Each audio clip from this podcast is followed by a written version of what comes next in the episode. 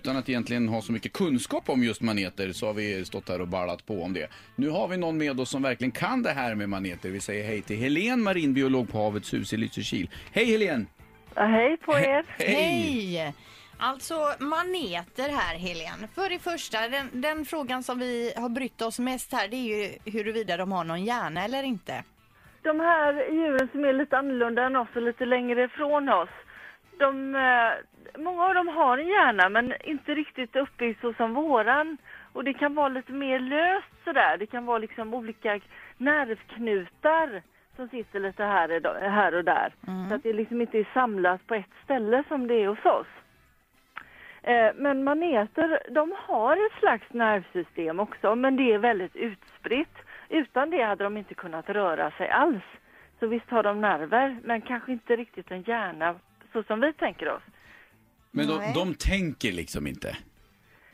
Eh, det där är ju väldigt svårt att säga. Eh, vad, är, vad, är tank, vad, är, vad är det att tänka? De reagerar ju på stimuli. Om man petar på dem så reagerar de. Ja. Eh, och eh, om man säger maneter har ju olika stadier. Dels är det det här medusastadiet som är som en klocka som simmar runt. Ja. Och när den är som en liten larv så sitter den som en polyp på, på botten. Och eh, påminner mer som en korall. Och om man tittar på eh, koraller och man petar på deras tentakelkrona så drar de ju ihop den. Så att de reagerar ju på yttre stimuli och de reagerar också på ljus. Men jag tänker då om man till exempel tar upp en manet, känner den rädsla då? Ja men precis. Det tror jag inte. Det är väldigt svårt att mäta sådana grejer. Jag är forskare och van vid att man mäter grejer och hur mäter man rädsla liksom? Om man svettas eller blir lite Ja, men den- den- eller något. Den har liksom ingen, det, vet jag ju, ingen puls som ökar eller sådär. Nej. Men Nej. den har ju 97 procent vatten. Ja. Vad, alltså äter den någonting eller hur, hur lever den så att säga? Överlever den? Ja, den simmar ju runt då och filtrerar vatten. Eh, och så eh, fastnar det små partiklar på de här trådarna som de har efter sig. Eh, och på de här trådarna så sitter det nässeceller som eh, eh, bränns lite grann när det kommer i närheten. En del eh, maneter, en del arter bränns ju väldigt mycket. Kan vara giftigt för människor också. Men där fastnar det då. Det kan vara små, små plankton, det kan också vara fiskar som fastnar. Och så blir de här bedövade då och så drar, dras det här in mot eh, munnen. Mhm. Jag tänkte på det här du säger med att den drar in fiskar och äter fiskar. Skulle Ja. man, i och med att de är genomskinliga, kan man då se att den har en fisk inuti Ja, sig? absolut. Det kan man.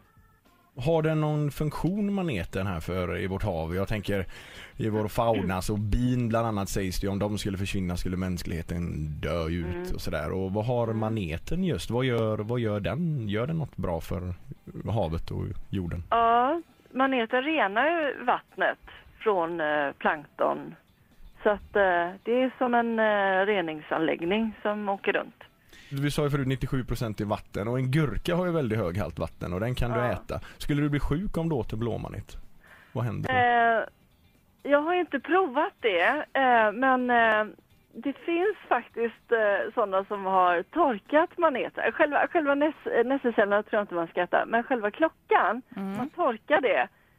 Eh, så tror jag säkert att det går att äta. Jo men jag Eh, tror att typ ja. i Kina och så finns väl manetsoppa och sånt Okej. där. Ja, det skulle inte förvåna mig. Nej. Men eh, det finns ju andra djur som äter maneter. Klumpfisk äter sjurygg inte- och eh, sådana här sköldpaddor äter ju maneter. ja, ja. Så kan de så kan väl vi. Numera även John Alvbåge. Ja, Ja, men alltså vad vi vet mycket om maneter och framförallt så har de ju ingen hjärna då utan lite nervtrådar snarare. Ja, typ så. Superbra Helen, Helene. tack för att du upplyste oss och ha en fortsatt bra dag. Ja, ha det bra själva. Hej då! Hej. Hej då. Ett poddtips från Podplay. I fallen jag aldrig glömmer djupdyker Hasse Aro i arbetet bakom några av Sveriges mest uppseendeväckande brottsutredningar.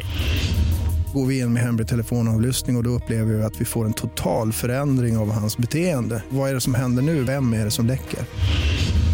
Och så säger han att jag är kriminell, jag har varit kriminell i hela mitt liv men att mörda ett barn, där går min gräns. Nya säsongen av Fallen jag aldrig glömmer på Podplay.